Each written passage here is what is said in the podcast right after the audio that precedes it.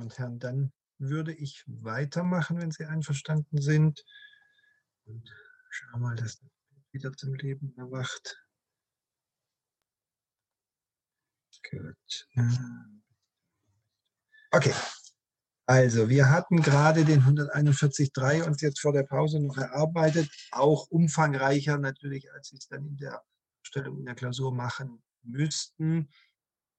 Herrschende Linie, wie gesagt, ist, dass der Schutzbereich schon gar nicht erfasst ist, wenn es um das Betreten mit einem bestimmten Verkehrsmittel geht. Das tangiert schon gar nicht den Schutzbereich. Können Sie natürlich genauso gut beim Eingriff festmachen. Oder wenn Sie das weitersehen und sagen, doch, das ist schon im Schutzbereich drin, dann würde jedenfalls die Rechtfertigung hier konkret funktionieren.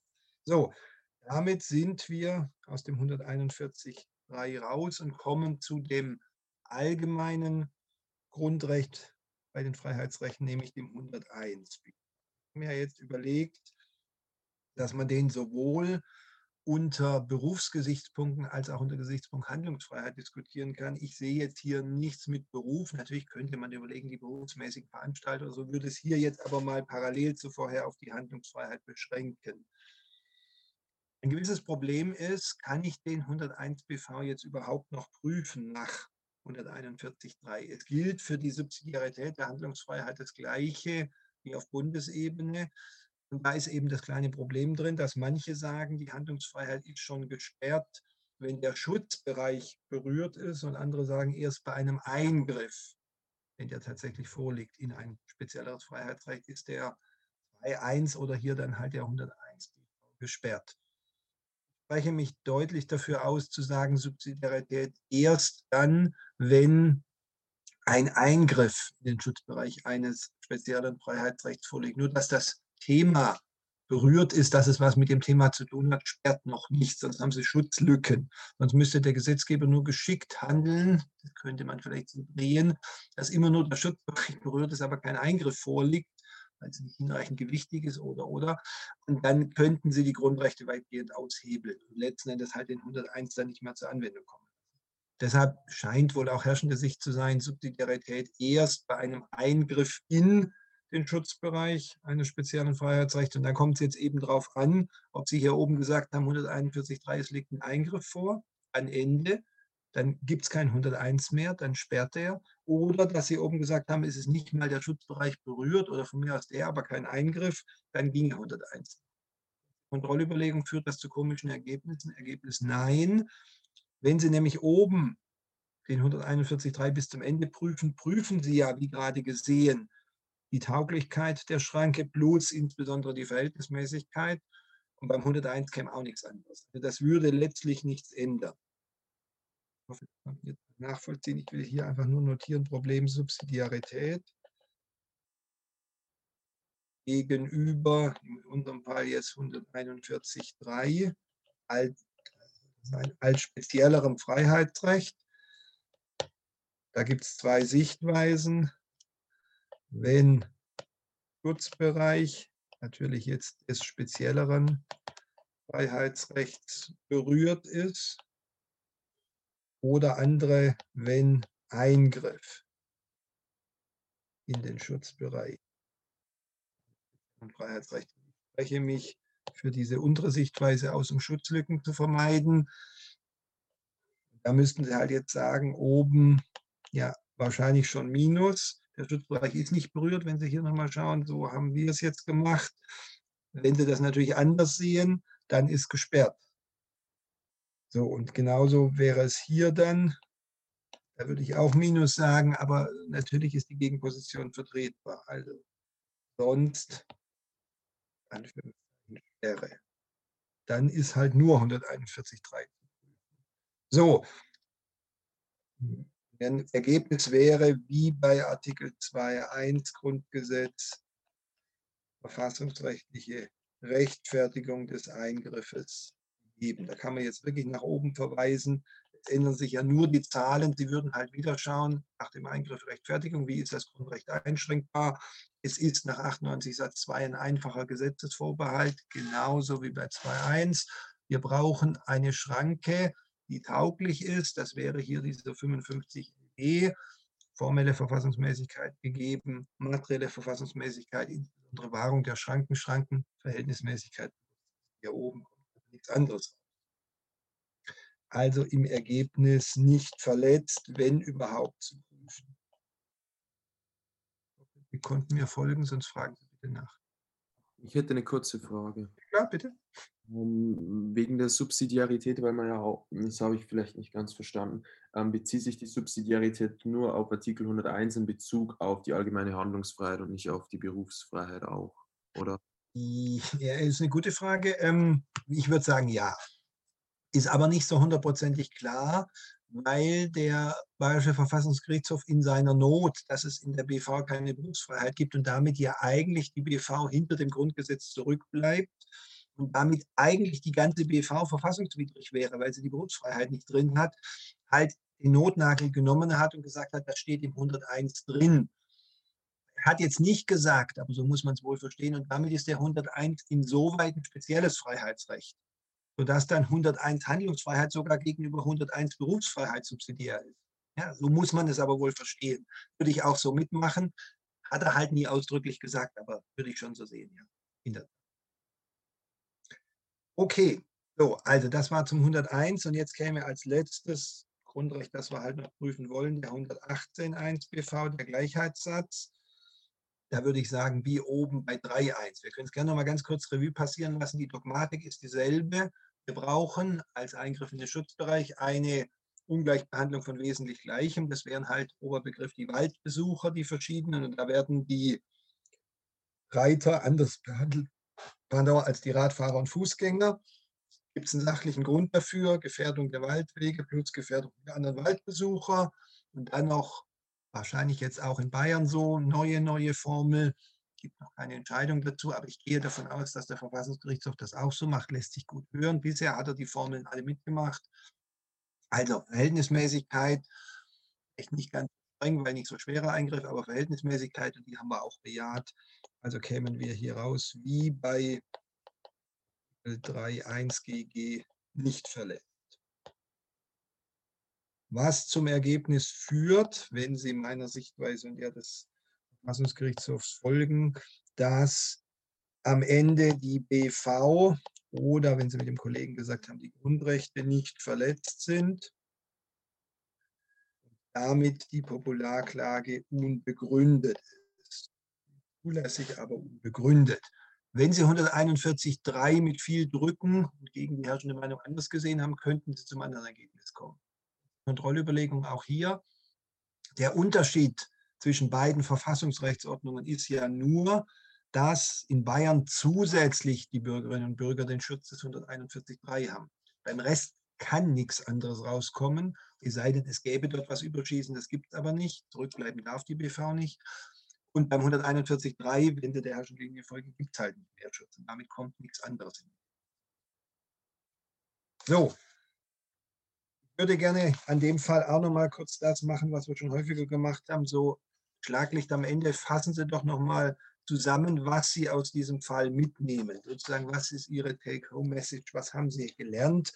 Das ist jetzt keine Kontrolle sozusagen, was Sie vorher nicht wussten, sondern einfach nur noch mal, dass wir vielleicht die Schlagworte kurz noch mal zusammentragen. Was war in dem Fall jetzt neu? Vielleicht erstmal zum Hauptfall. Wer mag da noch mal kurz sich so ein bisschen erinnern oder sagen, was er oder sie da mitgenommen hat? Was war wichtig? Dass man manche Rechte in der Antragsbefugnis schon rausschmeißen kann, um mhm. sich die Klausurlösung ein bisschen abzukürzen und zu erleichtern. Okay, also bei der Beschwerdebefugnis kann man offensichtlich nicht gegeben rausschmeißen. Einverstanden? Okay. Was haben Sie vielleicht noch mitgenommen? Wenn wir mal kurz noch die Zulässigkeit vielleicht erst nehmen, damit hatte die Kollegin ja jetzt angefangen. Was haben Sie da vielleicht noch mitgenommen, sozusagen beim Hauptfall? Dass man bei mit Strafen bewährten Normen grundsätzlich immer die unmittelbare Betroffenheit hat, ohne dass es auf den Vollzugsakt ankommt. Schön, gut. Also die Problematik der qualifizierten Betroffenheit bei Rechtsverfassungsbeschwerden als Thema und dann eben, wie kommt man bei Strafnormen oder mit Strafe bewährten Normen da sozusagen weiter, muss nicht erst den Vollzugsakt, ab, Vollzugsakt abwarten. Schön. Noch was? Wenn Sie mal weiterdenken, immer noch Stichwort Rechtssatzverfassungsbeschwerde, da hat man noch ein Problem, das vielleicht auch nicht ganz unwichtig ist in der Zulässigkeit. welche anderen Möglichkeiten es bei der Subsidiarität noch gibt. Also eben den Ausführungsakt provozieren oder dass das halt eben nicht zumutbar ist. Also Beispiel. Also Grundsatz der Subsidiarität insgesamt und wie man mit dem umgeht, was für Alternativen nötig sind, was nicht. Stichwort Bundesverfassungsgericht will einen aufbereiteten Sachverhalt. Das ist so ein bisschen die Leitung. Okay, gut. Ich denke, das waren so die Leits Zulässigkeit und in der Begründetheit. Was haben Sie da mitgenommen? Zum einen bei der formellen, äh, auf der formellen Seite die diese Zuständigkeitsgeschichten, dass man eben nach 72, 2 und 3 mhm. ähm, dieses Ping-Pong-Spiel starten kann, während der Bundes diese Rahmengesetzgebung gibt und die Länder gegebenenfalls aber davon wieder abweichen können. Mhm. Also dieses blöde Thema kommt auch im übernächsten Fall dann nochmal mit der Abweichungsgesetzgebungskompetenz. Ja, gut. Okay. Dass man ein Problem in der Bestimmtheit sehen könnte, beziehungsweise dann auch eben ablehnt, wenn es eben um die Planungshoheit oder mhm. allgemein um Planung geht. Mhm, gut, also dieses Problem, das vielleicht Ihnen vorher nicht so bewusst war, das ist jetzt auch kein zentrales, aber so ein bisschen Gespür kann man vielleicht da schon entwickeln, dass Planung halt aus ihrem Wesen raus eher unbestimmt ist und ob das dann zum Bestimmtheitsgrundsatz passt. Okay, schön, gut. Dass bei ständigem Wechsel der Gesetzeslage zumindest der Vertrauensschutz mal anzusprechen ist. Vertrauensschutz haben wir noch gehabt, gut. Okay. Dann gebe ich vielleicht, damit ich auch noch was dazu beitrage, äh, noch mal zur Erinnerung einfach, dass wir nochmal 2.1 und 3.1 uns angeguckt haben, so ein bisschen das noch abgerundet haben. Stichwort jetzt auch bei 3.1 das hm, von mir erfundene Wort neue, neue Formeln, wie man damit umgeht, wie man das zusammenbastelt. Ja, okay. Gut, das würde ich sagen, waren so die wesentlichen Punkte des Hauptfalles. Wenn Sie das mitnehmen, bin ich schon sehr glücklich. Zusatzfrage. Was war da jetzt für Sie sozusagen wichtig? Was haben Sie da mitgenommen aus, der, aus dem Transfer jetzt nach Bayern des Falles? Dieses Spiel der Rechtsbehelfe, also vom mhm. Bundesverfassungsgericht und Bayerisches Verfassungsgericht. Okay, das Verhältnis zwischen bayerischen und Bundesrechtsbehelfen und vielleicht auch innerhalb Bayerns, dass es halt zwei Bürgerklagen gibt, wenn man so will, nämlich einerseits die Verfassungsbeschwerde und andererseits die Popularklage, wie das miteinander zusammenhängt. Und wir können auch dazu nehmen, dass es ja sogar noch den 47.3 da irgendwie, 47.1 und 3 dann BAWGO gibt, wie der damit drin hängt, wenn Sie denken dran, wenn ein materielle Gesetz angegriffen wird. Okay? Und dann kam tatatata, das Besondere, die Popularklage. Die haben Sie hoffentlich äh, verinnerlicht jetzt oder kannten eh schon und was haben Sie da mitgenommen? Was ist vielleicht sozusagen das Besondere der Popularklage?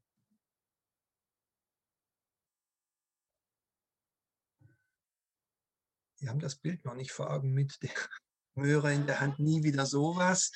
Ja, ich weiß, die Bilder sind doof, aber vielleicht hilft es zu merken, was ist so das Besondere der Popularklage? Dass es ein objektiver Rechtsbehelf ist, der von jedermann äh, eingelegt werden kann zum Schutze der bayerischen Verfassung und nicht zum Schutze seiner eigenen Rechte. Deshalb auch jederzeit und ohne eigene Betroffenheit. Ganz genau, sehr schön.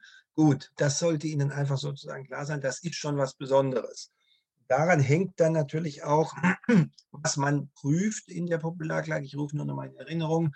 Man kann zwei Aufbauarten für die Begründetheit nachher wählen. Entweder wirklich ganz abstrakt nur noch sagen, BV verletzt oder nicht oder Grundrechte aus der Behörde oder nicht. Also die beiden Sichtweisen, beides ist okay. Der Verfassungsgerichtshof selber geht nicht ganz stringent immer einheitlich. So, und dann kam jetzt nochmal tatatata, was noch als Besonderheit aus der BV für ein Grundrecht mit ins Spiel? Was ist sozusagen da das Besondere vielleicht? Naja, der schöne 141.3, Recht auf Natur. Wir haben darüber gesprochen und ist wirklich eine spannende Norm, würde ich schon sagen ob sie praktisch so viel bringt, die Frage kam ja vorhin zurecht, kann man in Frage stellen. Ja, aber sie ist dogmatisch schon interessant. Und für die Klausuren, jedenfalls im ersten Examen, sollte man schon auch so ein bisschen mit der spielen. Ja. Dass sie im Referendariat später vielleicht sagen, da kommt es eh nicht drauf an. Ja, aber auch da gibt es Klausuren 141.3 vorkommen. Aber jetzt sollten sie schon so ein bisschen zeigen, dass sie mit ihnen umgehen können. Wie gesagt, man ist so ein bisschen stolz auf die Norm und auch auf die Popularklage. Deshalb nehmen Sie das auf. Okay. Ähm, ich hätte noch eine Frage kurz zum ja, Schluss, ähm, weil wir bei der Befugnis den 101 noch mit Blick auf die Berufsfreiheit mhm. angesprochen haben. Mhm. Den haben wir jetzt in der Lösung nicht. Kegeln wir den raus wegen mangelnder berufsregelnder Tendenz oder Ah, genau, das habe ich, glaube ich, so vor mich hingenuschelt, weil ich Ja. ähm, nichts sehe, dass es hier beruflich Betroffene gibt. Wenn Sie das anders sehen und sagen, ich kann mir vorstellen, es gibt jemanden, der berufsmäßig das organisiert, dann könnten Sie den sicherlich auch noch kämen, aber Mhm. letztlich auch nichts anderes. Lässt sich hören, könnte man schon machen. Okay. Habe ich, glaube ich, vorhin kurz gesagt, dass ich da keinen konkreten Fall hier sehe, aber klar, können Sie gerne machen. Okay. okay.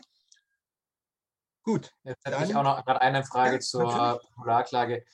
Können wir, äh, weil wir gesagt haben, wir können andere Rechte geltend machen als eigene Person, gilt es nur für, wenn wir irgendeinen anderen Fall kennen oder den es tatsächlich gibt, aber die Person zum Beispiel nicht ihre Rechte geltend machen will, oder geht es so weit, dass wir auch einen hypothetischen Sachverhalt bilden könnten? Ich könnte jetzt äh, zurückfragen, wer ist wir? Also ist die Frage im realen Leben oder in der Klausur? Ähm, machen wir erstmal kurz Klausur. Nein, machen wir erst reales Leben. Also theoretisch ist es denkbar, dass Sie mit einem Fall kommen, der jetzt, mh, sagen wir mal, nicht komplett erfunden ist im Sinne von, kann es schon geben. Also Sie müssen nicht sagen, es gibt einen Herrn X, der wohnt in der Y-Straße in der Z-Stadt und dessen Rechte mache ich geltend. Sie können schon sagen, es gibt mutmaßlich, was weiß ich, Ärzte oder wen auch immer, die von dem Thema so und so betroffen sind. Das können Sie schon machen. Also im, im praktischen Leben geht das schon. Wenn Sie natürlich jetzt erfinden, es gibt IT, den Außerirdischen, der hat auch irgendein Problem, das würde man wohl nicht durchgehen lassen. Ja? Es sollte halt schon etwas sein, was lebensnah zu erwarten ist. Ich habe auch keinen Fall vor Augen, wo der Verfassungsgerichtshof sich schon mal in Anführungszeichen mit Außerirdischen befassen musste, also wo jemand irgendwas gebracht hat, was erfunden war. So, für die Klausur jetzt zu Ihrer Beruhigung. Das ist so ähnlich wie bei der konkreten Normenkontrolle. Ich würde nur das nehmen, was mir der Sachverhalt irgendwie nahelegt. Sie müssen also nicht irgendwelche anderen Betroffenen erfinden oder suchen, die im Sachverhalt nicht angelegt sind, sondern wirklich nur die Informationen verwerten, die sie bekommen. Das ist die Begrenzung. Niemand erwartet von Ihnen, dass Sie kreativ auch noch an den Herrn Y denken, der was weiß ich für ein Problem hat. Nee, sondern nur das, was im Sachverhalt ist. Aber im praktischen Leben könnten wir theoretisch alles, alles was nahe liegt.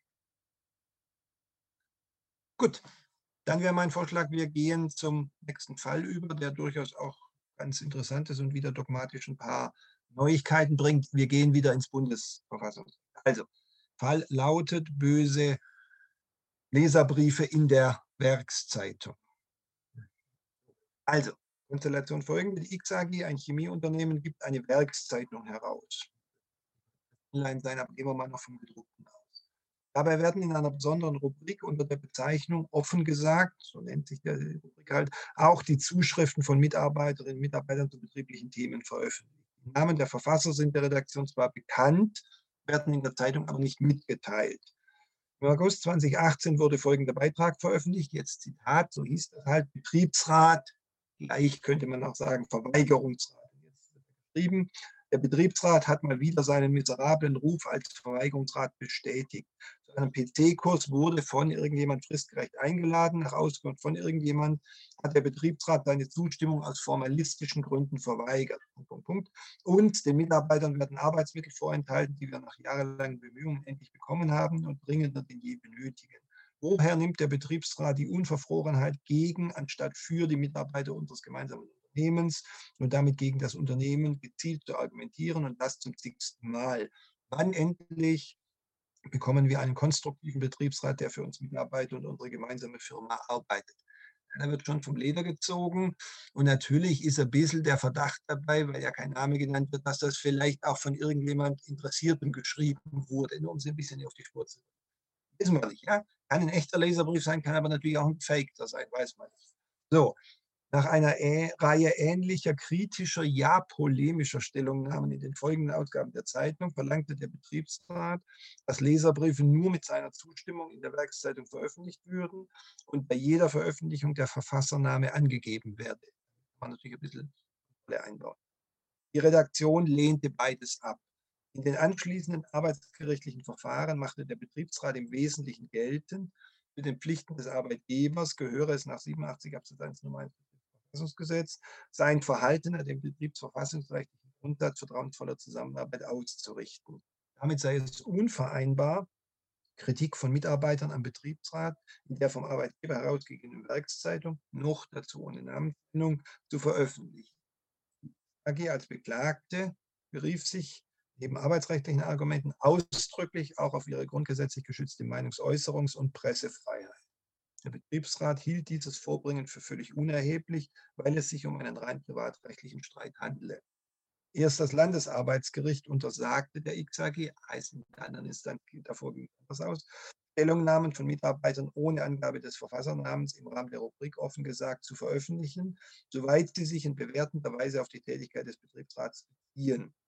Zur Begründung verwies das LAG auf das ungeschriebene betriebsverfassungsrechtliche Gebot einer vertrauensvollen Zusammenarbeit zwischen Arbeitgeber und Betriebsrat, das geeignet sei, auch eventuelle Grundrechtspositionen der Beteiligten einzuschränken. Eine Rechtsbeschwerde, wir würden sagen Revision, und das Bundesarbeitsgericht wurde gemäß 92 zugelassen. Und auch die hiergegen beim BAG erhobene Nichtzulassungsbeschwerde, Norm ist auch angegeben, brachte keinen Erfolg.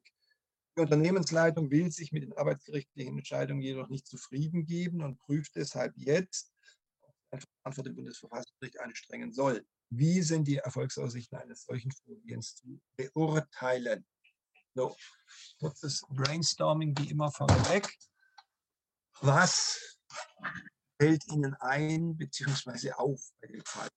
Also, ich glaube, die Fallfrage ist ja relativ klar. Kann die XAG erfolgreich vor das Bundesverfassungsgericht? So. Ich sammle einfach mal Ideen, die Ihnen durch den Kopf schieben. Wir haben an sich einen Fall von Drittwirkung. Also erstmal geht es eben um ein Verhältnis zwischen zwei Privaten. Nämlich konkret zwischen wem? Okay. Äh, der XAG, also dieser Werkszeitung Mhm. und dem Betriebsrat. Okay, das ist was für ein Rechtsgebiet eigentlich? Das wird ja schon im Sachverhalt relativ deutlich. Arbeitsrecht Arbeits. oder Genau. Betriebs, ja. Ja, Betriebsverfassungsrecht, also Arbeitsrecht. Der Kollege Bayreuther erlaubt, dass ich das so unscharf sage. Okay, also Arbeitsrecht, also eigentlich Zivilrecht. Okay. So, wie kommt jetzt da die Verfassung mit ins Spiel, damit das Bundesverfassungsgericht, auf ja die XAG zugehen will? Sie haben schon gesagt, es könnte eine Drittwirkung sein. Eine Drittwirkung wovon? Die. Achso, mach ruhig. Nee, mach du gerne. Einigen Sie sich. Frau Brockstedt, machen Sie mal weiter noch. Ja, also eine Drittwirkung von den Grundrechten, explizit halt eben hier die Meinungsfreiheit ähm, und die Pressefreiheit. Also, oder könnte man zumindest überlegen. Mhm, mhm. Und ähm, im Endeffekt richten sie sich aber vermutlich gegen, oder richten sie sich gegen das Urteil vom, vom Mhm. also okay. wir haben vermutlich eine Urteilsverfassungsbeschwerde, aber irgendwie Drittwirkung noch mit dabei. Irgendwie Drittwirkung. Okay, lassen wir das mal so stehen, passt schon. Gut. Kurz noch eingehakt bei den Grundrechten, die Sie genannt haben, mal so in die Runde gefragt. Also im Sachverhalt wird ja relativ deutlich gesagt, Meinungsäußerungsfreiheit und Pressefreiheit. Was würden Sie spontan sagen, was ist es eher oder was ist es eher nicht? Oder sind beide? Ich würde eher sagen, dass es Meinungsäußerungsfreiheit ist, weil ich weiß ja nicht, aber diese Werkszeitung fasse ich Mhm. jetzt nicht unter, also mal so ne, schnell nachgedacht, unter den Pressebegriff, den Okay, ich wir- quasi mit Presse verbinde, sondern es Okay, ist quasi so, mal so manchmal wie so eine Schülerzeitung. okay, Also passiert Also Sie haben ein gewisses Problem mit der Presse. Hat jemand umgekehrt auch ein gewisses Problem mit der Meinungsfreiheit? Gibt es da vielleicht auch einen Einwand? Ähm, Also ich finde es hier problematisch, weil es ja nicht die Meinung ist von der Werkszeitung an sich, sondern es sind ja Kommentare von einzelnen Mhm. Arbeitnehmern. Mhm, Und das ist ja okay. dann quasi so eine Art Prozess, ähm, Prozess, also, Sie wissen, was Ja, ich ja, meine. Prozess ist Ja, genau. Also ich finde es schwierig, weil eigentlich, wenn sie Mhm, auf Meinungsfreiheit beruft, meint sie ja die Meinung der Mitarbeiter, die da drin mhm, Okay, gut. Also, ich lasse es bewusst jetzt mal so stehen, diskutieren wir gleich, aber Sie sollen so ein bisschen ein Gefühl kriegen, wo Probleme sind. Also auf dem Schmierzettel sollte dann halt irgendwie stehen, Problem an der Stelle. In der Tat, also beide Grundrechte, die genannt werden, sind problematisch, weil man könnte natürlich dann immer noch mit der Handlungsfreiheit hinten dran kommen. Man könnte übrigens kurz auch überlegen, ob es irgendwas mit kollektivem Arbeitsrecht und damit Vereinigungsfreiheit zu tun hat, aber da kommen wir auch relativ schnell wieder raus. Mit dem 9.3 hat das nichts hier zu tun, wenn Arbeitsrecht im Raum steht. Aber äh, alles gut bisher. Ähm, wer beruft sich denn auf die Grundrechte, um das vielleicht noch zu bringen, als letzten Punkt, der auch in diese Kiste gehört? Die XAG als juristische Person. Mhm. Und da fällt Ihnen welche Vorschrift oder welches Problem ein? Also die müssen, oder beziehungsweise halt eben bei der Beschwerdeberechtigung können wir halt eben überlegen, ob die grundrechtsfähig sind. Und Mhm. dann der Artikel 19 Absatz 3. Einverstanden. Gut, auch was für den Schnittzettel. Lassen wir auch mal so stehen. Sehr schön, danke. Ich habe eine kurze Frage. Ja, klar. Ähm, wenn wir sagen die X-AG, für mich ist es so, dass quasi die streitenden Parteien sind ja jeweils beide X-AG. Also, wenn ich, ich weiß nicht, ob ich den Sachverhalt richtig verstanden habe, aber es ist ja quasi diese, sag jetzt mal Journalisten da, Hm? gegen den Betriebsrat. Ja, okay. Ähm, wenn wir jetzt also XAG sagen, meinen wir XAG auf Seiten des Betriebsrates oder meinen wir XAG auf Seiten der Mitarbeiter? Mhm, Auf Seiten der Zeitung würde ich sagen. Also die XAG gibt ja diese Zeitung heraus und die XAG hat, ich sage es jetzt mal sehr polemisch, als Lausenpelz auch noch den Betriebsrat sitzen. Da ist jetzt fast eher eine arbeitsgerichtliche Frage, wie der Betriebsrat sozusagen verfasst ist. Der ist selber rechtsfähig. Der darf Okay, aber selber XAG hat arbeitsgerichtlich ein Problem mit sich selbst. So Nee, sondern es sind dann schon zwei Parteien. Also wenn Sie Okay. wollen, jetzt ich vier Anführungszeichen widersetzen. Es ist Okay, so eine Art. Organstreit, aber wirklich vier Anführungszeichen. Ja? Betriebsrat gegen Arbeitgeber. Der Betriebsrat wird genährt vom Arbeitgeber, der finanziert das, der beschäftigt die Leute auch, muss sie beschäftigen. Aber der Betriebsrat ist selber eine eigene rechtsfähige Organisation, sagen wir mal so. Der hängt auch nicht an der Gewerkschaft, sondern der ist eigenständig. Das ist arbeitsgerichtliches Verfahren, aber das gilt dann hier sozusagen auch für den Verfassungsprozess. Kommen wir noch zu. Aber schon richtig kann man, kann man sicherlich auch ansprechen. Gut. Was würden Sie jetzt denken, vielleicht so mit Blick auf die Begründetheit, worauf wird die Frage nachher eigentlich zulaufen? Wenn wir jetzt mal unterstellen, Drittwirkung besteht, das Problem wurde ja genannt, was werden wir letzten Endes machen müssen? Welche rechtlichen Interessen oder Positionen prallen hier denn aufeinander? Also Sie haben ja schon gesagt, Grundrechte für die XAG stehen im Raum 511, 512. Okay, und was steht auf der anderen Seite? Was macht der Betriebsrat geltend? Was ist denn das für ein Recht, das er geltend macht? Worauf kann der sich berufen? Persönlichkeitsverletzung? Das Also das nicht Persönlichkeitsrecht, weil er angegriffen wird, ja. Die Frage ist halt, ob, die Persö ob das Persönlichkeitsrecht, ähm, sagen wir mal, gruppenfähig ist, im Sinne von, ob der Betriebsrat eine Persönlichkeit und damit ein Persönlichkeitsrecht hat. Okay, lässt sich hören, was könnte man noch nehmen?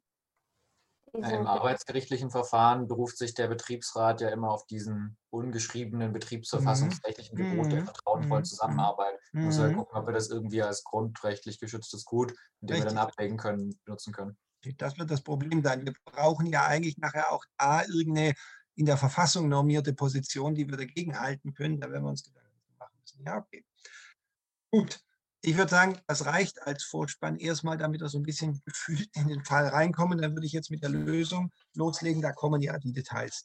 Also, wir würden jetzt irgendwie formulieren, ein Vorgehen der XAG beim Bundesverfassungsgericht oder irgend sowas ist erfolgreich, wenn für einen Rechtsbehelf oder für die Verfassungsbeschwerde, können Sie auch gleich sagen, ob Sie das so wollen, die Zulässigkeits- und Begründetheitsvoraussetzungen gegeben sind. Irgendwas in der Art, wie immer Sie das wollen. Also, wir sind uns einig, es kommt als Rechtsbehelf auch hier nur die Verfassungsbeschwerde in Betracht für den natürlichen oder in diesem Fall juristischen Rechtskörper XAG.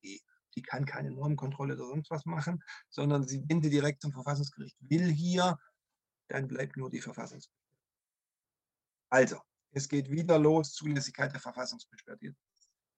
Sehen Sie es mir nach, dass relativ häufig Verfassungsbeschwerden kommen. Erstens, weil immer noch was Neues dazukommt und zweitens, weil das einfach die häufigsten Verfahren sind. Das muss wirklich absolut wasserdicht sein. Wir machen auch alle unproblematischen Dinge jetzt relativ zügig und haken nur an den problematischen Stellen nach. Also ich frage Sie schon gar nicht mal nach den Normen, sondern gebe Ihnen vor, damit wir da keine Zeit vertun. Also 93.1 Nummer 4a und dann die Paragraphen 13 Nummer 8a und 90 folgende Bundesverfassungsgesetze sind die Normen, die die Zulässigkeit bestimmen. Ihnen auch noch die Zuständigkeit des Bundesverfassungsgerichts. Das haben wir jetzt, glaube ich, alle verinnerlicht. Das ist immer die Rechtswegfrage nach den ersten beiden dieser Normen. Das Verfassungsgericht entscheidet über Verfassungsbeschwerden. So, jetzt sind aber Sie dran, damit ich sehe, dass das Schema angekommen ist. Zweitens geht es worum? Bitte. Beschwerdefähigkeit.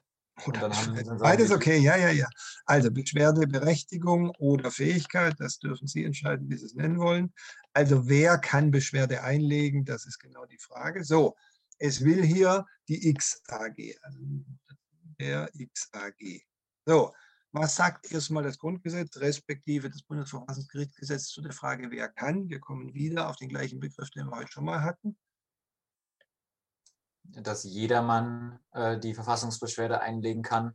Und das versteht man dann so, als dass es jeder, der überhaupt grundrechtsfähig ist. Ähm, jetzt haben wir hier eine juristische Person des Privatrechts und dann sagen wir über 19.3 k- kann die per se überhaupt mal äh, Trägerin von Grundrechten sein. Ob das jetzt das Konkrete, was wir in dem Fall uns anschauen wollen, darunter fasst, das würden wir wahrscheinlich in der Befugnis prüfen. Soweit bin ich einverstanden. Also, Sie würden erstmal sagen, jedermann nach 93 Nummer 4 Grundgesetz, 90 1 Verfassungsgerichtsgesetz, jedermann verstehen wir hier anders als bei der Popularklage, Stichwort Teekesselchen, als jeder Grundrechtsträger oder jeder potenzielle Grundrechtsträger. Und das beurteilt sich nach 19.3. So, jetzt ist die Frage, wie viel prüft man hier zum 19.3? Ich würde sagen, man muss ein bisschen was schon machen, aber Sie haben recht, man würde jetzt nur suchen, ob es Grundrechte gibt, auf die sich die XAG berufen kann. Man muss hier noch nicht entscheiden, ob die konkret von ihr geltend gemacht werden. Man kann das aber auch machen. Das ist okay. Also dann sparen Sie ein bisschen Arbeit, wenn Sie sich jetzt sozusagen auf die konzentrieren, die Sie nachher auch prüfen wollen, dann müssen Sie es nur einmal machen. Aber es würde hier für die Fähigkeit Verfassungsbeschwerde ausreichen, als Verfassungsbeschwerde einzulegen, ausreichen, dass sie überhaupt sich auf irgendwelche Grundrechte berufen. Ich will nur das erklären, man kann den 19.3 zweimal anfassen, in Anführungszeichen, theoretisch sogar dreimal, nämlich hier bei der Befugnis und im Materiellen, nachher in der Begründetheit. Sie können auch auf einmal erschlagen, das Thema. Das bleibt Ihnen überlassen, das ist Geschmacksfrage. So, ich möchte nur die Grundstruktur des 19.3 jetzt schon mal mit Ihnen durchgehen, weil kurz sollte er schon angetippt werden. Was verlangt der 19.3? Wie gesagt, wir müssen ja noch nicht die konkreten Grundrechte, die nachher der Fall bringt, äh, diskutieren, aber abstrakt sollten wir schon mal. Was verlangt 19.3? Gehen Sie einfach mal bitte mit mir durch die Merkmale. Da steht doch, die Grundrechte gelten auch für inländische juristische Personen, soweit sie ihrem Wesen nach auf diese anwendbar sind. Was sind also die Voraussetzungen? Wenn man es mal gliedern will, wird man was sagen, was brauchen wir alles? Eine juristische Person, Mhm. Okay, was für eine. Ju- Pardon, was war das zweite? Sorry. die inländisch sein muss. Zweitens inländisch und drittens. Ähm, dann ähm, Grundrechte auf diese anwendbar. Hm, Also wesensmäßige Anwendbarkeit der Grundrechte, wesensmäßige Anwendbarkeit von Grundrechten. Wie gesagt, mit dem Kollegen können wir ganz abstrakt Grundrechte nehmen. Wir können auch die konkreten nehmen. So, die drei würde ich gerne kurz mit Ihnen etwas genauer angucken. Erstmal juristische Person. Jetzt frage ich nicht, was ist eine juristische Person, aber ich frage, was kann man noch ergänzen? Vielleicht, was muss man ergänzen, obwohl es da nicht steht? Juristische Person des Privatrechts. Ja, jedenfalls grundsätzlich. So, also Sie sind auf der sicheren Seite, wenn Sie juristische Personen des Privatrechts prüfen. So, das steht natürlich nicht in der Verfassung. Warum ergänzen Sie das trotzdem und schließen damit den zweiten Typ, die juristische Person des öffentlichen Rechts aus? Warum schließen Sie die aus? Weil es ja komisch wäre, wenn der Staat als juristische Person des öffentlichen Rechts gegen sich selber Rechte geltend macht, an die er auch selbst gebunden ist. Also dann würde Mhm. der Staat ja eigentlich gegen sich selber vorgehen. Ja, also Sie sagen, vielleicht völlig richtig, aber nur noch als Erläuterung, Sie sagen, eine juristische Person des öffentlichen Rechts ist der Staat. Nämlich mit der Idee, der Staat verleiht irgendwelchen Gebilden sozusagen Rechtsfähigkeit, du bist ein Kind von mir, jetzt in Anführungszeichen. Ja? Juristische Personen des öffentlichen Rechts werden dem Staat zugerechnet, sie gehören zur staatlichen Sphäre. Während juristische Personen des Privatrechts eben nicht dem Staat zugerechnet werden. So, und jetzt ist Ihre These, nur damit auch das nochmal allen klar wird, der Staat ist an die Grundrechte gebunden, folgt aus 1 Absatz 3 Grundgesetz. Und damit sind auch juristische Personen des öffentlichen Rechts an Grundrechte gebunden, 1.3. Und jetzt sagen Sie, es ist komisch, wenn die sich, die an die Grundrechte gebunden sind, gleichzeitig auf die Grundrechte berufen. Was tritt da ein? Wie nennt man das? Wenn jemand sagt, ich bin dran gebunden, aber ich will sie gleichzeitig auch haben, positiv. Konfusion. kommt sozusagen der Blitz, der da reinhaut. Das ist das Stichwort Konfusion. Es ist von lateinisch confundere die Vermischung. Das ist nicht, sie sind konfus, da sind sie auch irgendwie vermischt. Das ist unser Sprachgebrauch, sondern Konfusion ist eigentlich die Vermischung. Das ist sozusagen Plus- und Minuspol. Wenn Sie bei einer Batterie ein Kabel legen vom Plus- zum Minuspol, ist die Batterie im Eimer. Ja, da ist Kurzschluss. So, oder in der Steckdose, wenn Sie die verbinden, Sie wissen, das tut weh. Also der Kurzschluss.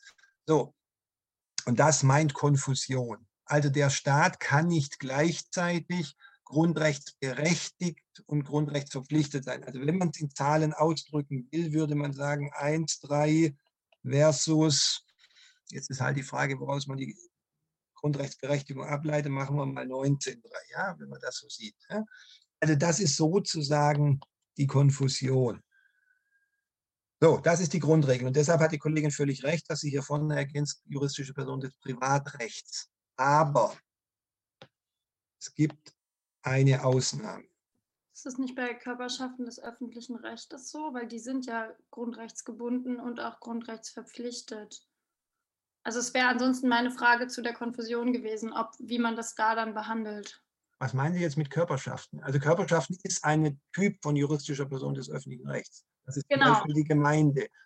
Weil Sie ja vorhin gesagt haben, dass man nicht gleichzeitig ähm, genau. grundrechtsberechtigt und grundrechtsverpflichtet Genau. sind. Ich habe aber genau das für als quasi Charakteristikum für eine Körperschaft des öffentlichen Rechtes. Wir hatten ja diesen Kirchenfall. Okay, okay, okay, okay, jetzt Vorsicht. Da war Jetzt, das ja so. Und okay, jetzt kommt der Sonderfall, die Kirche. Das ist aber der Sonderfall. Grundsätzlich Mhm. sind Körperschaften wegen der Konfusion nicht grundrechtsberechtigt. Ja, das ist die Ausnahme. Also ich mache mal die Beispiele. Sie sagen die Kirchen. Wer ruft mir noch Beispiele zu? Was gibt es noch? Macht man noch Öffentlichen Grund Rundfunkanstalten. Unis, ich darf abkürzen, und Rundfunkanstalten. Natürlich die öffentlich-rechtlich verfassten jeweils.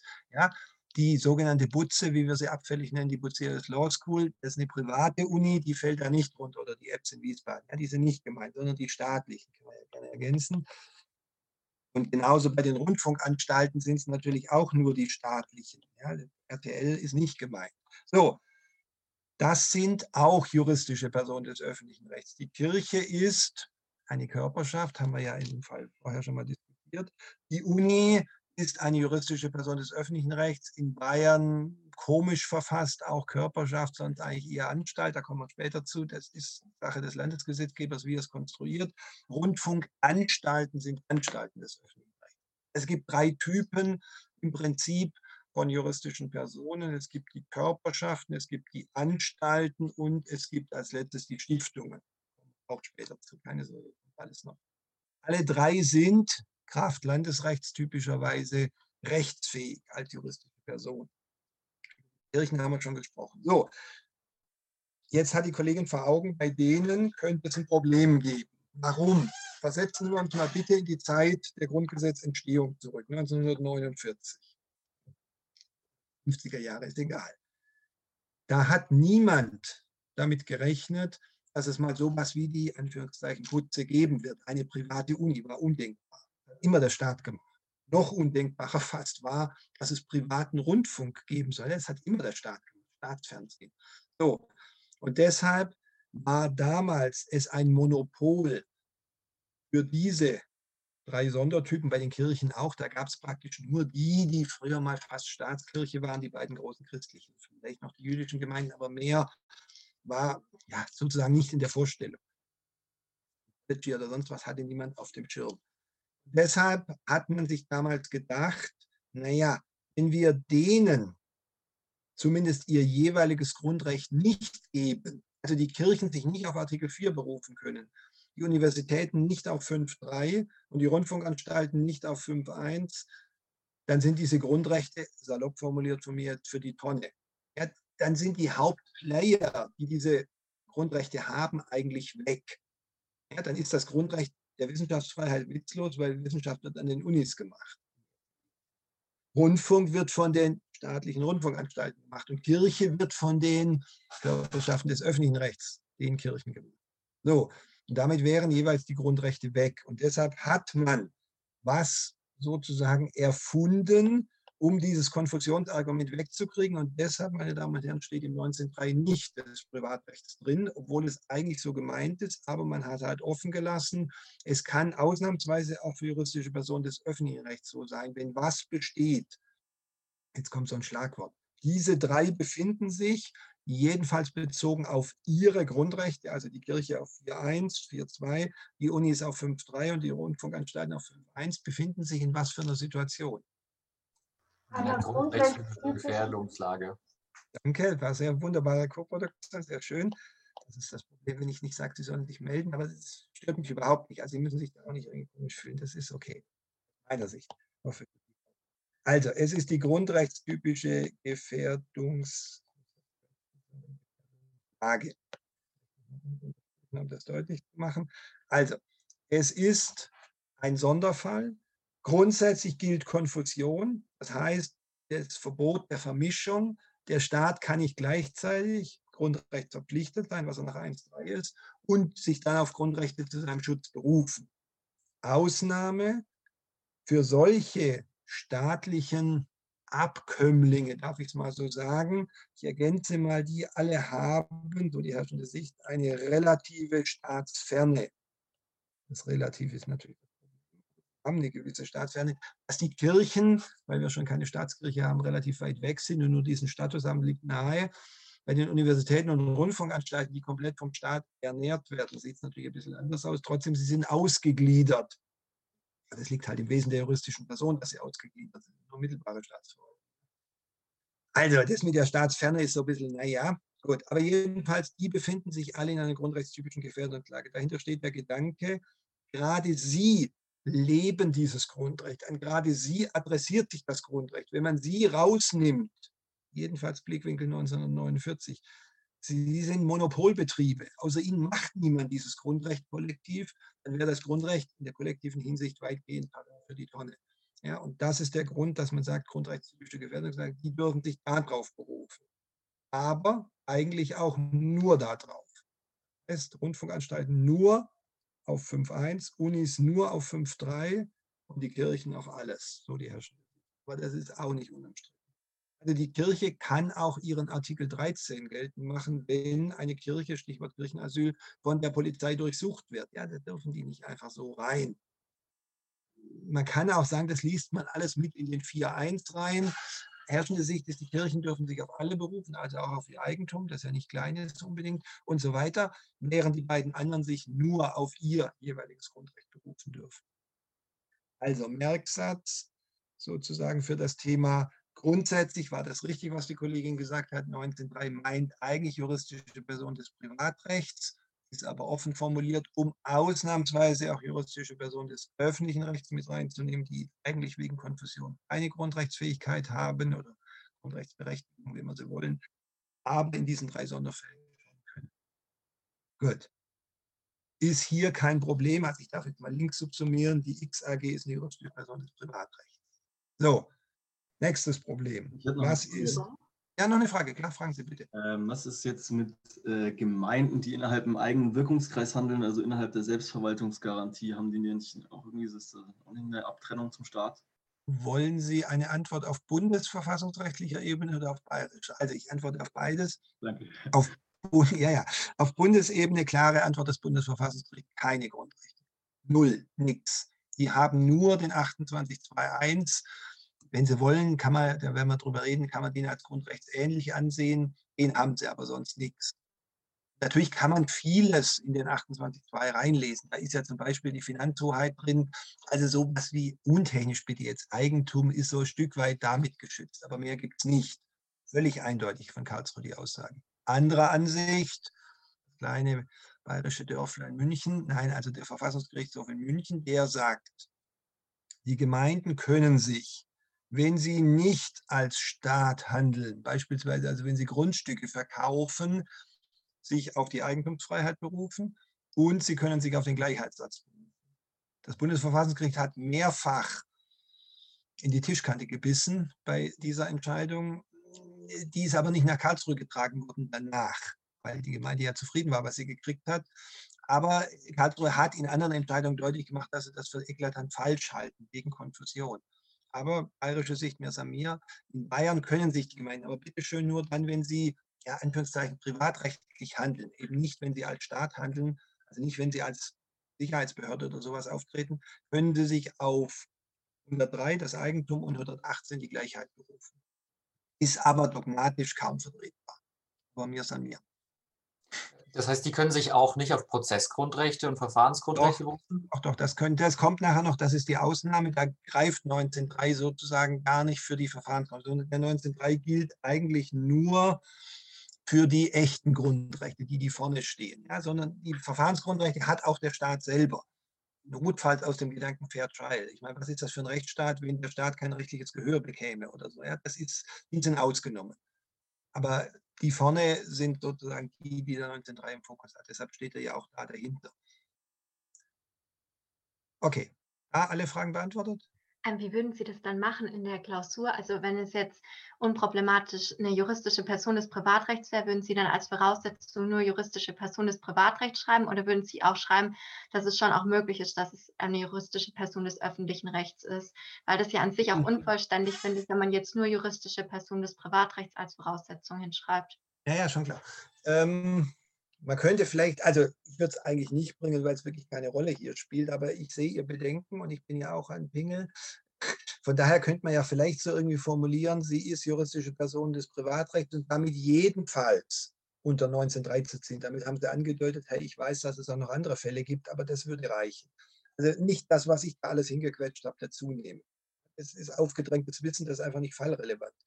Es wird Ihnen nichts dafür abgezogen, ja, aber es wird Ihnen auch nicht positiv honoriert. Wenn nämlich nachher die Zeit bei den wesentlichen Punkten fehlt, ist es einfach ein Gleichheitsproblem, wenn ich sage, ja, Sie haben davon alles richtig gemacht, Sie haben leider nichts zu dem Fall nachher beigetragen, haben anderes Wissen angebracht. Das wäre ein Fehlanreiz, den dürfen wir einfach nicht geben. Deshalb, wenn Sie es aus der Prüferperspektive betrachten, nur das Wesentliche. Und wenn Sie so eine kleine Andeutung machen, dass Ihnen schon klar ist, dass es auch noch andere Fälle gibt, sind alle zufrieden und das ist absolut wasserdicht. Okay? Auch das ist was, was man sich am Schmierzettel überlegen kann. Wenn wenn Ihnen sonst gar nichts zu dem Fall einfallen sollte, ist fiktiv, dann schreiben Sie es halt hin, bevor Sie nichts schreiben. Aber äh, es ist nicht das, was fallrelevant ist. Also Richterinnen, Richter würden sagen, nicht entscheidungserheblich. So, nächstes Merkmal. Inländisch. Auch hier für die X-AG, ich sage Ihnen nichts dazu gegeben. Aber wie beurteilt sich inländisch? Also wo machen Sie das fest? Muss die irgendwie einen deutschen Namen haben oder worauf kommt es an? Ich glaube, die muss in Deutschland gemeldet sein beim, ich glaube, Gewerberegister, äh, Gewerberegister oder Hey, so Handelsregister. kann man sagen, im Gewerberegister, also wir sagen, im, der Sitz ist entscheidend. Genau. Genau. Also, Es reicht auch äh, innerhalb der EU, das wäre Ja, okay. Artikel 18 AEUV. Ja, schön, schön, schön. Das kommt jetzt. Genau, gut. Also Problem, ich darf das wieder rot machen, sind die europäischen juristischen Personen und natürlich im Prinzip wieder die des Privatrechts. Gleiches Problem wie oben, was mit den öffentlich-rechtlichen ist. So, die fallen auch mit drunter. Jetzt hat die Kollegin schon den Artikel 18 IUV genannt. AUV, Entschuldigung. Ich nehme nochmal den 10 dazu, aber 18 ist völlig okay. Den dürfen Sie gerne auch allein nehmen. So, wer kann mir jetzt kurz erklären, wie wir das konstruieren? Unser Problem ist doch, dass im 19.3 ausdrücklich inländisch drinsteht. Jetzt will die Kollegin aber, Klammer auf, zu Recht, Klammer zu, die europäischen dazu nehmen. Das heißt zum Beispiel die tschechische, wie auch immer dort die GmbH heißen mag, oder die noch britische Limited oder halt auch so die Societas Europae, die auf europäischer Ebene erfunden wurde. Kleiner Schmankerl für die Freunde des Europarechts. Dieses Europarecht erfindet gerade eine juristische Person des öffentlichen Rechts. Der EVTZ, der Europäische Verbund für territoriale Zusammenarbeit, wird in Deutschland jetzt schon ganz vereinzelt genutzt. Das ist eine juristische Person des europäischen öffentlichen Rechts. Ziemlich cool. Ähm, da werden wir das gleiche Problem dann kriegen. Also zum Beispiel, Sie kennen vielleicht hier aus der Region diese Euregio Egrensis oder hier die Donau-Moldau-Europaregion. Das ist ein Zusammenschluss über die Grenze mit Österreich und Tschechien oder bei Euregio Egrensis nur mit Tschechien. Die sind bisher als Vereine verfasst im jeweiligen Land. Aber die können, und die hier Donau-Moldau überlegen gerade, sich zu einem EVTZ umstrukturieren, dann sind sie eine europäische Person öffentlichen Rechts, juristische Person. Ja? Also nur als kleiner Schmankerl. Ich hatte da neulich in einem Kontext nichts zu tun, deshalb kann ich dazu was sagen. Aber egal. So, jetzt zurück hierher. Also wie kriegen wir jetzt das Inländisch da weg? Steht ja in unserer Verfassung drin. Die Kollegin hat schon zwei Normen genannt, aber wie bauen wir das jetzt zusammen? Na, entweder sagt man halt, der Artikel 19 Absatz 3 ist unionsrechtswidrig und muss deshalb insoweit nicht zur Anwendung kommen, als dass es unionale juristische Personen des Privatrechts Mhm. ausschließt. Aber weil das Bundesverfassungsgericht das, glaube ich, nicht gern mag, sagt es, man könnte auch praktisch den Artikel 2 Grundgesetz für die Unionsbürgerinnen und Bürger aufladen mit jedem Grundrechtsgehalt, den die spezielleren Grundrechte haben. Moment, jetzt haben Sie so zwei Gedanken kurz vermischt, wenn ich das nochmal trennen darf. Das mit dem 2.1 funktioniert bei deutschen Grundrechten für natürliche Personen. Bei dem 19.3 klappt das ja nicht, weil wir auch beim 2.1 den 19.3 brauchen. Also der Kollege hat erstmal, können wir gerne erstmal das angucken. Das Problem vor Augen, dass Artikel 12 Grundgesetz beispielsweise sagt, alle Deutschen haben Berufsfreiheit. So, jetzt kommt der Brite noch oder vom erst der Ire oder wer auch immer und beruft sich in Deutschland auf die Berufsfreiheit. Würde man sagen, mein Freund, Schutzbereich nur Deutscher. So, dann wird er sagen, das verletzt mich in unter anderem Artikel 18 AUV Diskriminierung wegen Staatsangehörigkeit. So, und jetzt gibt es da zwei Möglichkeiten und dann übertragen wir es auf die juristische Person des öffentlichen Rechts. Der Kollege sagt, entweder, wenn ich es zusammenfassen darf, Anwendungsvorrang des Unionsrechts. Also 18 AUV schiebt sozusagen das Merkmal inländisch oder deutscher bei Artikel 12 auf die Seite, solange das Unionsrecht Anwendung findet. Sobald das nicht mehr Anwendung findet, federt das zurück und dann steht da wieder. Also der Russe kann sich nicht auf Artikel 12 berufen mit 18 AUV, weil da drückt die Feder, Anwendungsvorrang, das nicht weg. Es ist kein Geltungsvorrang, der würde brechen, dann wäre das Merkmal weg. Das Merkmal ist nur weggedrückt, das ist Anwendungsvorrang oder wie immer Sie das formulieren wollen, aber der Begriff verdeutlicht es, es ist kein Geltungsvorrang. Ja? Also, so die herrschende Sicht, wohl jetzt auch des Bundesverfassungsgerichts, bei den deutschen Grundrechten für europäische Unionsbürgerinnen und Bürger. So, andere Möglichkeit, das passt bei den persönlichen Grundrechten, also bei den für natürliche Personen halt, man könnte es auch über 2.1 machen, weil der kein deutschen Grundrecht ist. Da sagen also die Berufsfreiheit für den Iren folgt eben aus 2.1 und zwar mit dem Gehalt, den 12 hat. Das ist der Trick. Also ich lese alles, was ich zu 12 habe, in den 2.1 rein. Für den Russen gilt halt nur 2.1 ohne die Aufwertung. Ja? So, das ist die Sichtweise, wie man es bei den Grundrechten macht. Herrschende Sicht ist aber Anwendungsvorrang. Und jetzt, wie machen wir es hier? Also Ihr Trick mit dem 2.1 funktioniert halt nicht, weil ja immer noch der 19.3 im Raum steht. Ja, auch für juristische Personen muss auch 2.1 erstmal wesensmäßig anwendbar sein. Da steht immer noch inländisch. Das heißt, da müssen Sie Farbe bekennen und Karlsruhe macht das wieder, weil er auch sagt Anwendungsvorrang. Also schlicht das Merkmal inländisch im 19.3 wird für europäische weggedrückt, für russische oder amerikanische oder was auch immer bleibt es aber stehen. So, das hat zur Konsequenz, dass inländische und europäische juristische Personen des Privatrechts oder theoretisch dann eben auch des öffentlichen Rechts, wenn grundrechtstypische Gefährdungslage ist, sich auf Grundrechte berufen können, wenn die wesensmäßig anwendbar sind. Hingegen dürfen sich nicht inländische und nicht europäische juristische Personen nur, so wie der Staat, auf die Verfahrensgrundrechte. Mehr nicht. Kenntnis. So, jetzt kommt der dritte Punkt, wesensmäßige Anwendbarkeit. Was meint das jetzt? Oder noch eine Frage zu dem Inländisch? Dann fragen Sie noch bitte. Ich hätte eine Frage wegen Artikel 10, weil Sie den jetzt mitzitiert haben bei Artikel 18 AUV. Mhm. Ja. Ähm, ja, genau, wieso? Wieso man das tut, okay. Also erstmal, Sie können gerne nur 18 nehmen. Das hatte ich ja gesagt. Das Bundesverfassungsgericht hat jetzt in letzter Zeit immer den 10 mitzitiert, weil da steht ja drin, bei der Festlegung und Durchführung ihrer Politik und so weiter zielt die Union darauf ab, Diskriminierung aus Gründen, und da kommt irgendwo halt auch äh, der Herkunft, Moment, wie heißt der ethnischen Herkunft und so weiter zu bekämpfen. Aber da steht natürlich nicht ausdrücklich Staatsangehörigkeit drin. Man kann sagen, die 18 konkretisiert den 10, so wird das wohl mehrheitlich gesehen. Also lassen Sie uns da nicht lange drüber streiten. Ich bin mit 18 allein völlig einverstanden. Karlsruhe hat jetzt immer den 10 mitzitiert. Nein, kann man so und so sehen. Ich könnte auch wieder böse sagen, Karlsruhe bleibt bei deinen Leisten, mach kein Unionsrecht, dann machst du keine Fehler, wenn sie das anders sehen wollen. Nein. Also, wie sie mögen. Okay? So, jetzt die spannende Frage des dritten Merkmals. Was heißt jetzt wesensmäßige Anwendbarkeit? Wer kann mal versuchen, das vielleicht abstrakt zu erklären oder alternativ, ich biete Ihnen an, die Alternative, es für die XAG zu erklären. Vielleicht bezogen auf die Grundrechte als Beispiel, die hier im Raum stehen. Was heißt wesensmäßige Anwendbarkeit? Was fragt man sich?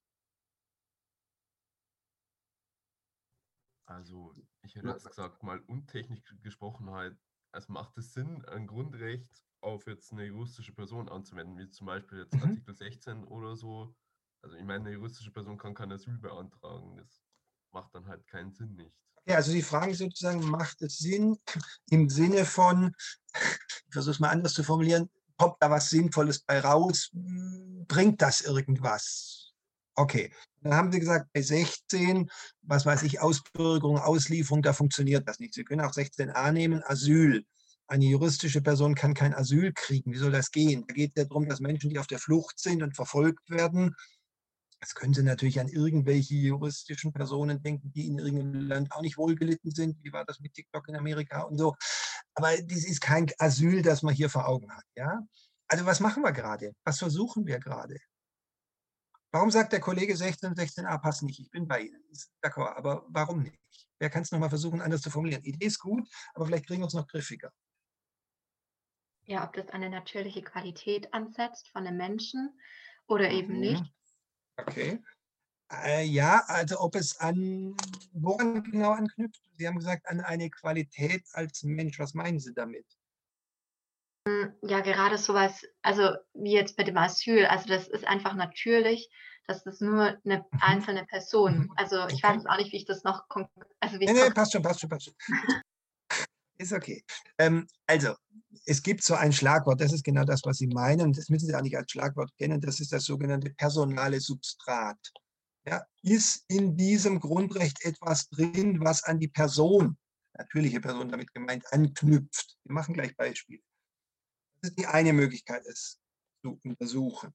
So, hat jemand eine andere Idee noch oder einen zweiten Gedanken? Gucken Sie mal so ein bisschen weiter nach oben, was wir schon mal wo gemacht haben, wo wir gesagt haben, jemand kriegt, ich sage es mal salopp, das Grundrecht, obwohl er es eigentlich nicht kriegen sollte, weil er irgendwie besonders ist. Ja, bitte? Man könnte anstatt auf die Person abzustellen, auf das Recht abstellen und sagt, ob es eine grundrechtstypische Gefährdungslage gibt.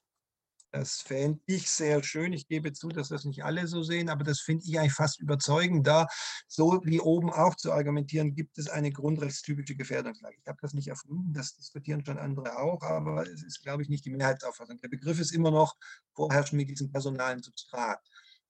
Auch nicht so ganz klar ist, was das ist. Mir gefällt eigentlich besser zu fragen, gibt es eine grundrechtstypische Gefährdungslage? Befindet sich die juristische Person in einer Situation, wo dieses Grundrecht sie schützen soll. Natürlich führt das letztlich auf ähnliche Gedanken zurück. Ja?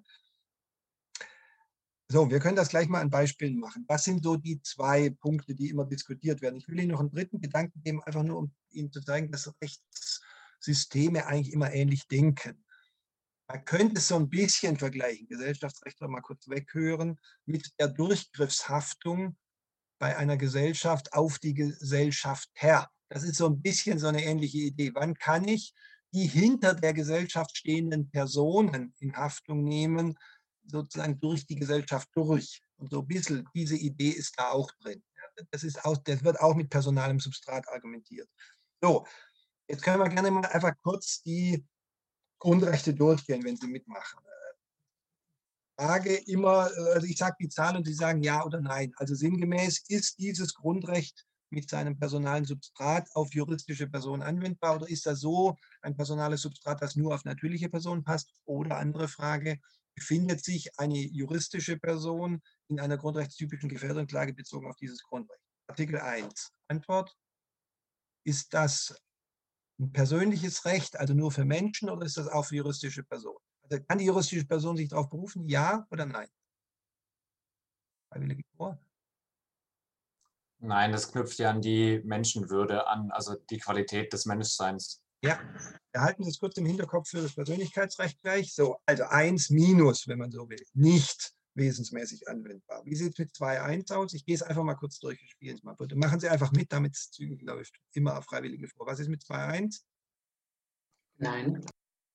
2.1, nein. Sie würden sagen Handlungsfreiheit. Also, ah, Entschuldigung, nee, ich dachte Persönlichkeits. Nee, nee, nee, nee, 2.1 nackt, sozusagen Handlungsfreiheit. Also gut, ja. Ja, handeln kann auch in diesem ganz weiten Sinne, wie wir es so stehen. So, jetzt Persönlichkeitsrecht. Die dürfen weitermachen. Die würden sagen, nein, hm, Mai, es gibt leider eine Entscheidung des Verfassungsgerichts, das ist jetzt nicht bezogen auf diese konkrete juristische Person, dass Mercedes-Benz ein Persönlichkeitsrecht hat. Im Sinne von, äh, Mercedes kann seinen Namen schützen, seine Ehre, seinen Ruf schützen. Ja, wenn man sagt, da geht es halt auch um den Wirtschaft, den Ruf im Wirtschaftsleben sozusagen, nee, Grenzfall. Ja, ich hätte intuitiv auch gesagt, weil es aus der Menschenwürde kommt, deshalb habe ich zum Kollegen gerade gesagt, denken Sie nochmal dran, Grenzfall. Wenn Sie so mehr auf